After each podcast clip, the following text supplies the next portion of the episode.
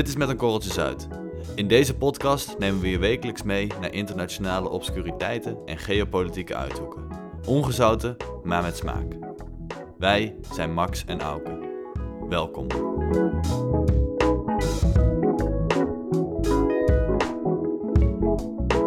De droom ging voor Willem Barents niet in vervulling. In zijn zoektocht naar een noordelijke handelsroute stierf hij een jammerlijke dood in de Noordelijke IJszee. Lange tijd leek het ijzige noorden een ondoordringbare woestenij. Toch lijkt daar, met behulp van onze opwarmende aardbol, nu verandering in te komen. Wat zijn de gevolgen van die smeltende poolkappen? Gaan we elkaar straks in de haren vliegen met claims over eilanden als Svalbard en Nova Zembla? Vandaag bespreken we de geopolitieke toekomst van Barents zijn laatste rustplaats.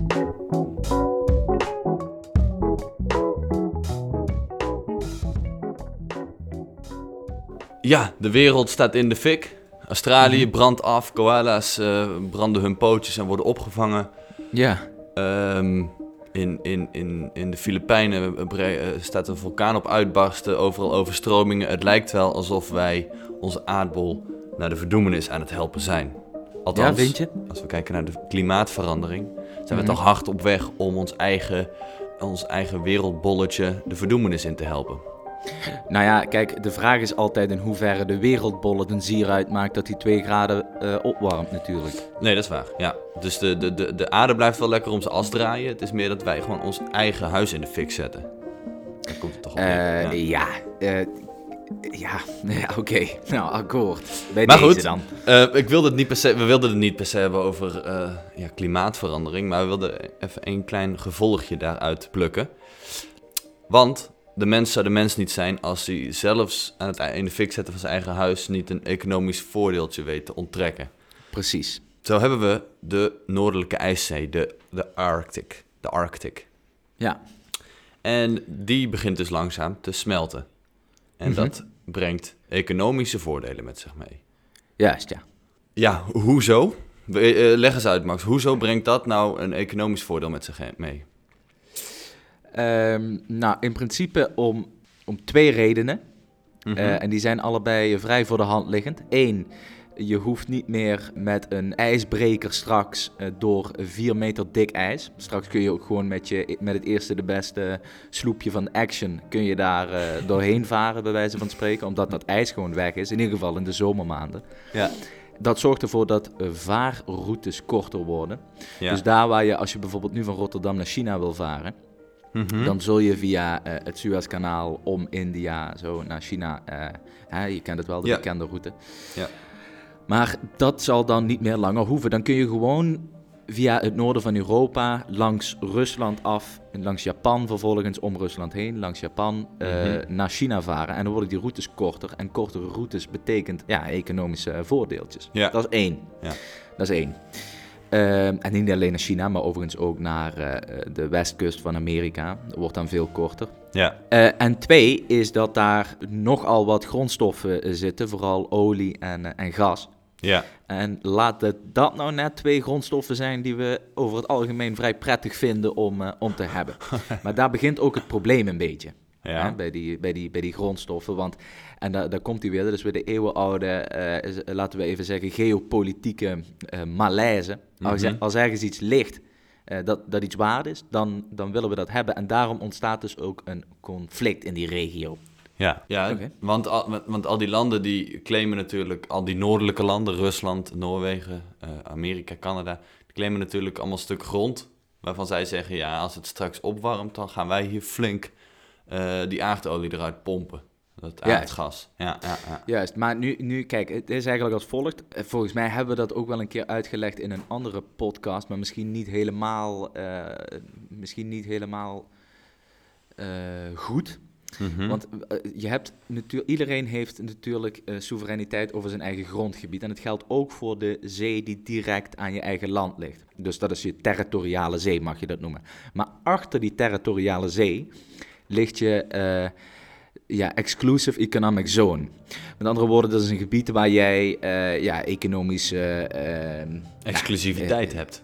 Exclusiviteit hebt en eh, dus eh, waar jij ook aanspraak kunt maken op alles wat zich in dat water bevindt en onder dat water bevindt, namelijk in dat diepzeebed.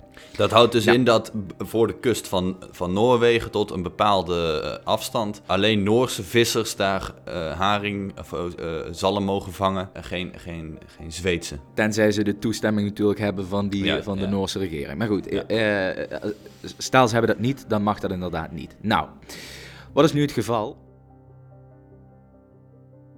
Die exclusieve economische zone, die mag in principe verlengd worden. Eh, en dat wil dus zeggen, die mag eh, langer zijn dan 200 mijl vanaf de, ja, dat noemen ze dan baseline, dat is eigenlijk gewoon je kust. Ja, Maar dan moet je wel kunnen bewijzen dat jouw continentale plaat, dus jouw landplaat, Mhm. verder dan 200 mijl vanaf je kust eh, reikt. Oké. Dus wat zijn al die landen nou aan het doen? Dan heb ik het over Canada, Rusland, eh, eh, Noorwegen, Amerika. IJsland, Amerika. Die zijn dus met man en macht, met allemaal duikboten over, dit, over dat zeebed aan het jakkeren. Om te kijken, of, dus om te onderzoeken en vervolgens dan te bewijzen. En aan eh, de, de internationale, laten we zeggen, eh, hoven, of hoe heet dat? De internationale eh, rechtsgemeenschap te tonen dat hun continentale plaat verder is dan 200 mijl vanaf de baseline. Zodat ze daar dus, je voelt hem al aankomen, al Ja. die olie uit de grond Ja. kunnen trekken.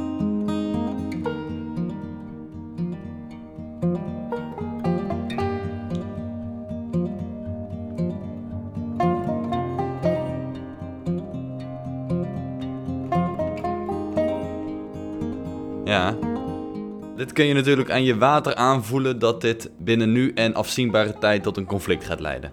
Dat, eh, Ehm. Want de ene zegt, mijn ka- continentale plaat loopt tot, tot daar. En die andere zegt, nee, hij loopt maar tot hier, dus ik heb er recht op. Nee, ik heb er recht op. Dit gaat natuurlijk, gaat natuurlijk Eh, problemen ja, opleveren. Ja, je hebt natuurlijk allemaal van die eh, disputes. Hè? Je hebt natuurlijk allemaal van die. ehm, ja, hoe, zeg je dat? Ja, de ehm dispute. Verschillen. Vers- ja, Geschillen. geschillen. Ja. geschillen. Eh, je hebt natuurlijk allemaal geschillen over wat nou van wie is. Maar nu eh, komt er nog een volgend dingetje bij, namelijk dat je, je hebt dus de Arctic Council, die gaat hierover. Arctic Council is een soort ja, regionaal integratieproject, een beetje zoals de Europese Unie, maar dan voor eh, landen die zich aan de Arctic bevinden. Maar weliswaar met veel minder ehm, Zeggenschap. zeggenschap. En eh, dat is in beginsel natuurlijk opgericht om eh, die Arctic een beetje in goede staat eh, over te geven aan de volgende generatie. En er een beetje voor te zorgen dat mensen daar geen misbruik van gaan maken. Ja. In 1996 waren ze niet op de hoogte van het feit dat daar eh, in 2050 m- misschien wel zes ijsvrije maanden eh, zijn tijdens de zomer. En dat daar dus een soort eh, handelszone gaat ontstaan. Nou, Ja. Vervolgens ja, zijn die leden van de Arctic Council een beetje met elkaar in conflict geraakt. En dat zorgt ervoor dat je allemaal observing states hebt. Hè? Ja, dat heb je ook eh, ja, dat heb je eigenlijk bij iedere organisatie. Heb je van die staten die even eh, over de schouders van de leden meekijken hoe Ja. dat functioneert daar. Die, die een soort Nou. neutrale houding innemen. Nederlanden staan eh, een, een onderdeel van, maar China ook. Oei. En ja, dat is weer een, eh, het is eigenlijk een soort stokpaardje aan het worden van Meestal onze een hele neutrale staat, China. Ja. Die, die hebben meestal niet zoveel te zeggen. Nee. Die, het enige wat die willen is dat de Noordpool in goede handen wordt overgegeven aan de volgende generatie. Nee, dat is natuurlijk gelul. Die willen eh, daar hun slag slaan. Want zij hebben natuurlijk die vaarroutes nodig. Ja. Snap je? Zij, eh, dat is onderdeel van hun, daar hebben we ook al een keer een podcast over gemaakt, Polar Silk Route. En Ja. ja, ja die, die willen daar dus ook een vingertje in de pap hebben. En dus, alles bij elkaar, wordt dat hele poolgebied, dat wordt de komende, eh, ja, dat is eigenlijk al een heel interessant gebied eh, met betrekking op geopolitiek, maar dat wordt de komende 20, 30 en nog wat jaar eh, nog veel interessanter, denk ik. Ja. Ja, dit wordt een, eh, dit wordt een mengelmoes van conflicten en, en bondgenootschapjes... die toch wel tot een hete cocktail gaan leiden op geo- geopolitiek eh, gebied. Ja, ja. Ja. ja. Het is niet meer het, eh, het, het, het, het Nova Zembla verhaal eh, van, Ja. van 1600, zeg maar. Ja, ja, precies. Want het is natuurlijk geen, het is niet iets nieuws hè, wat we nu bedenken. Van laten we eens kijken of we via het noorden kunnen varen. Het was natuurlijk in de eh 16e eeuw al een idee. Toen dacht men al, laten we eens kijken of we kortere vaarroutes kunnen bedenken. Ja, Nou, ja die Willem Barents, hè. Ja, precies. Nou, het begon in principe natuurlijk met Columbus in eh, 1492. Die dacht, laat ik eens kijken of ik kortere route naar, naar India kan vinden. Of eh, ja, ja, naar India. Eh stuitte per ongeluk op een continent dat eh, totaal onontdekt was vanuit het westelijke eh, oogpunt. Ja. Eh, overigens mooi, Columbus heeft tot aan zijn dood gedacht dat hij gewoon... eh, die heeft geweigerd te erkennen dat hij een, een totaal nieuw continent had ontdekt. Maar goed, eh, Ja. dat staat er even los van. Ja, dus allerlei Britten en, oh, en, en Nederlanders hebben geprobeerd om via het noorden te komen. Dit is hem ja. overigens niet goed bekomen, want toen hij een jaar vast zat op dat eiland waar, ja, waar zijn schip gestrand was Ja. en hij wilde terugkomen, toen was hij zo dusdanig verzwakt dat hij dat niet overleefd heeft.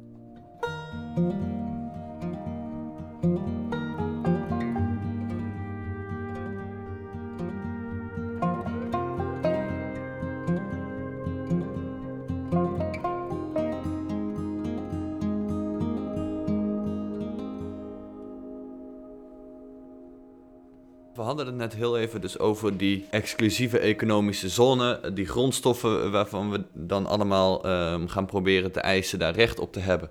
Maar wat er wel interessant aan is, is dat de United Nations Convention of the Law of the Sea, dus het VN-zeerechtverdrag, Ja, de UNCLOS. de UNCLOS in vaktermen, die is eh, nooit getekend door de Verenigde Staten. Of die hebben hem nooit geratificeerd in ieder geval. Dus Ja. ja, ja en de Verenigde Staten is toch een van de spelers in het, eh, Noordpoolgebied met hun eh, Alaska. Ja, die, het is een beetje alsof je voetbal gaat spelen, maar in, een- in, een to- in een toernooi. Maar één team die zegt gewoon ja, die regels van dat je niet, de bal niet met de handen aan mag raken. Dat, ja, Mhm. dat weet ik niet hoor. Dat, ik heb daar nooit voor getekend, voor die, dat dat niet mag. Dus Ja. dat gaat natuurlijk ook nog problemen opleveren. Dat Amerika gewoon met allerlei claims kan komen die ja, totaal eh, nergens op slaan. Mhm. Dat gaat een Ja. probleem opleveren. Ah, Ja, en wat mooi is trouwens, de UNCLOS, dat is eh, VNC-recht. Eh, weet je waar die, de eerste variant in 1956, waar die getekend is? In Groenland. Ja, dat zou je denken. Of in ieder geval een land wat eh, toch wel wat van doen heeft met eh, zee en zeevaarders. Maar het is Ja. getekend in Genève in Zwitserland. Oh ja. Een land Ja, dat- oké, dat is dus- ook wel logisch, hè. Ja, maar het is een land dat helemaal niet... Dat heeft niks van doen met, met de zee. Ja. Ja, dat, eh, wat jij zegt over Amerika, dat is, dat is wel boeiend. Mhm. Want Amerika grijpt dat conflict, en ik weet niet of we dat al een conflict mogen noemen, maar laten we, laten we zeggen dat je geëmmer over die poolzone Mhm. wel aan om Rusland weer eens in het eh, ouderwetse eh, kwade daglicht te stellen. Want wat die Russen natuurlijk doen, Mhm. die zetten allemaal eh, militaire posten bij die Noordkust. En die zeggen vervolgens, ja, eh, kijk eens even wat Rusland aan het doen is. Die zijn allemaal havens en militaire airports en noem het allemaal maar op aan het bouwen bij die Noordkust. En eh daar gaat allemaal militaire dreiging vanuit en bla bla bla bla. Ja. Terwijl Rusland zegt, ja, eh, met alle respect, maar dit is gewoon onze, onze, onze kust, is gewoon ons land. Wij beschermen onze, onze grond gewoon hier. Dus Ja. ik weet niet wat jullie nou eh, allemaal lijp aan het doen zijn. ja. Nou, wat wel een beetje gek is van die Russen, is dat je dus een, je hebt in het noorden van Noorwegen heb je een eilandje. En het eilandje heet Svalbard. Beter bekend als Spitsbergen. Svalbard. Oh ja, Ja, dat ken ik. ah, dat ken je. Ja, ja, ja. Daar staat ook die zaadbank. Zaadbank? Ja, ja, ja, daar hebben ze een... een eh, nou, heel, heel, heel kort eh, zijstapje, dan, dan laat ik je je verhaal doen. Eh, daar hebben ze in de bergen een enorme kluis gebouwd... Mhm. waarin eh, het is gewoon een opslagruimte van allerlei... van alle plantenzaden ter wereld. Voor het geval dat er ooit een nuclear... eh, eh, ja, dat er een nucleaire ramp komt... Ah, dan ja. staan, liggen alle zaden en volgens mij ook DNA van beesten, weet ik het wat, ligt daar opgeslagen. In Svalbard, heel vet. Dus Ja. echt zaden. Ik dacht dat jij bedoelde een spermabank. Nee, nee, het is echt za- zaad van een plant. Ah, oké. Ja. Oké, lijp. Nou ja, wat ze daar dus ook hebben... Kijk, dat dorpje, dat het Svalbard, dat is eigenlijk ehm, Noors. Mhm. Maar in 1920 is er een verdragje eh, opgesteld en getekend door 45 landen uiteindelijk, dat eh, in principe iedereen, laten we zeggen, gebruik mag maken van de weelde van Svalbard. Dus dat je daar onderzoek mag doen, dat je daar mag komen, dat je daar eh, dingetjes mag bouwen, et cetera, et cetera. Oké, ja. En de Russen die hebben dat redelijk, eh, ja, die hebben dat redelijk letterlijk genomen en die hebben daar gewoon een, stad gebouwd. Oké, die Met, hebben eh, dat met- meteen met twee handen aangegrepen. eh, Die dachten, we laten daar geen, eh, geen eh, poolgras over groeien. Eh, we gaan Geen permafrost. We laten hier geen toendra, eh, toendra groeien. Nee, maar die hebben dus meteen een mijn gebouwd. Er staat ook een consulaat, dat is natuurlijk allemaal een beetje symbolisch. Maar goed, eh, die eh, exploiteren dat eiland dus al, als ware het hun eiland. Ja. Nou, en daar, va- daar valt natuurlijk wel iets van te zeggen. Maar voor ons is dat wel interessant, omdat dat precies weer eens aangeeft in hoeverre daar de belangen zich weer eens weten te verstrengelen. ja. Ja. Dus ik dacht, eh, dat, is wel, eh, dat is wel boeiend. Ja, ja ik, ik vind wel altijd als Amerika claims gaat maken over eh, dat andere landen zich buitensporig gedragen met, met, eh, ehm, met buitenlandse militaire kazernes en basissen. Ja. ehm, dan is het altijd goed om even een, een kaartje te googlen van waar Amerika eigenlijk allemaal buitenlandse militaire basis heeft. Want er is echt geen enkel land dat op zoveel buitenlands grondgebied militaire basis heeft staan. Ik bedoel, vanuit Nederland kan je volgens mij in een uur of zes... kan je naar de allergrootste militaire, Amerikaanse militaire basis rijden. Dat ligt in Zuid-Duitsland. Mhm. Eh, daar zitten duizenden Amerikanen in Zuid-Duitsland. Dan denk je ook van, waarom daar? Maar goed. Ik kan, ehm, me- ik kan me wel een reden verzinnen waarom daar, maar goed. Nee, ja, nee, goed. Maar het is, niet, eh, het is nou niet dat het hier op het punt van, eh, van oorlog breken staat. maar misschien ook wel daarom. Nou ja, daar valt over te twisten. Goed, de, ja, dus Amerikanen, als die claims gaan maken over andere landen, ja... Je moet eens kijken hoe eh, rondom Rusland, al die landen daar rondom, daar zitten enorm veel Amerikanen. Ja, ja, Ja. tuurlijk. Die houden elkaar eh, stevig in de gaten. Ja, maar, even- maar vice versa is het dus niet zo. De Russen hebben niet eh, in, in Mexico en in Canada allemaal basis liggen.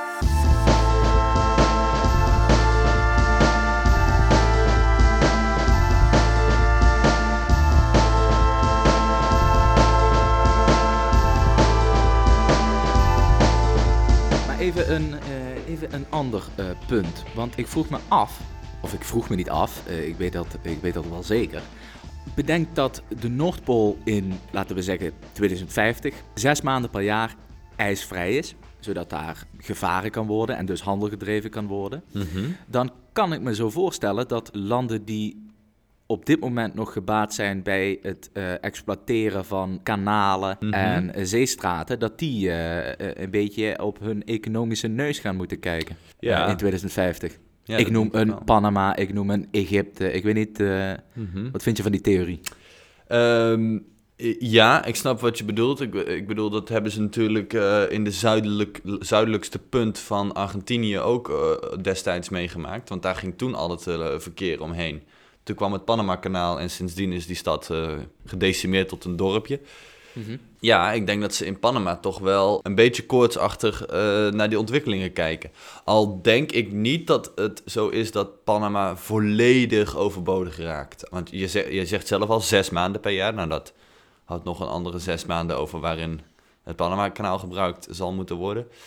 En ik zit even te denken, ja, ik heb hier nou niet eh, met, een, met een liniaal gemeten, maar als je vanuit Europa naar de westkust van de Verenigde Staten wil, Mhm. dan denk ik dat Panama nog steeds eh, gewoon korter is.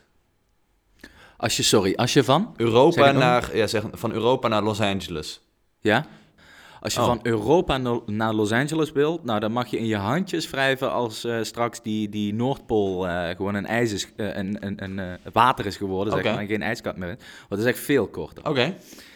Ehm, en degene die dat verifiëren wil, die moet even, ja, die, dat gaat niet lukken via een normale wereldkaart. Die moet eigenlijk even een wereldbol erbij pakken. Oh ja. Dat is, die Ja. 3D-weergave die is veel makkelijker. Ja. Ehm, ja, want dat vroeg ik me dus ook af. Van hoe, in hoeverre is dat... ehm, in hoeverre is dat dan korter? Maar dat is echt een stuk korter. En Oké, hetzelfde geldt ja. voor eh, naar Japan varen of naar Shanghai varen. Dat, dat, scheelt, echt wel, eh, dat scheelt echt wel wat. Maar en, en, en vanuit New York naar Shanghai, dan ook, ga je ook via het noorden. Is dat... Eh, ja, nou, ja, goed, ik ben geen... ik ben... ik- het is al lang geleden dat ik nog eens van New York naar Shanghai gevaren ben. Dat Maar deed ik- in de ja, jaren ik- 60. nee, dan moet ik, dan moet ik eigenlijk een, een wereldbol erbij gaan pakken. Maar ik kan me zo voorstellen, ik zou de gok best wel durven te maken. En eh, ja, pin me er niet op vast, maar ik denk dat het korter is. Oké, ehm, Ja, vet. Eh, ja, dus, dus die, die Panamezen, die zitten een beetje koortsachtig daar naartoe te kijken. Maar die kunnen op zich, eh, als het nou straks allemaal, als zij straks totaal overbodig zijn geraakt, dan kunnen ze zich wel op de schouder kloppen en zeggen, it was a good run. Want die jongens hebben me daar eh, een, een forse partij inkomsten uitgepompt uit dat kanaal. Maar die Panamese, ik dacht dat het Amerikaans was. Dat Eh, ja, die eh, Amerikanen hebben inderdaad begin 20e eeuw dat, dat kanaal gegraven. Of in ieder geval gefinancierd. Roosevelt heeft dat gedaan. Ja, met zijn eigen blote mannenklauwen heeft hij daar Ja. met een pikhouwer- eentje. Ja, heeft hij dat kanaal gegraven. Ehm, ik denk dat de, de, de gemiddelde Panamese boer er vrij weinig aan merkt. Maar op zich, het land is wel eh, economisch flink vooruit gegaan in de, als gevolg van dat kanaal. Het Suezkanaal is natuurlijk een andere hele belangrijke zeestraat. Ehm, ik denk dat die ook wel flinke tikken te, te verduren gaan krijgen. Behalve dan dat de, de handel tussen India en Europa nog steeds wel gewoon via het Suezkanaal zal gaan. En trouwens ook alles van Saudi-Arabië, al die olie en zo. Natuurlijk nog Ja, steeds. maar dat leggen ze allemaal met pijpleidingen natuurlijk richting, eh, ja, richting Europa. Doen ze allemaal slim. Ja, Heb je in principe, daar zullen ze, zullen ze over een tijdje zullen ze daar geen zee meer voor nodig hebben. Is een gokje hoor, weet ik ook niet zeker, maar kan me dat zo voorstellen. ja geen idee. Ja, zullen we, zouden we ze aan dat Aramco eh, moeten vragen.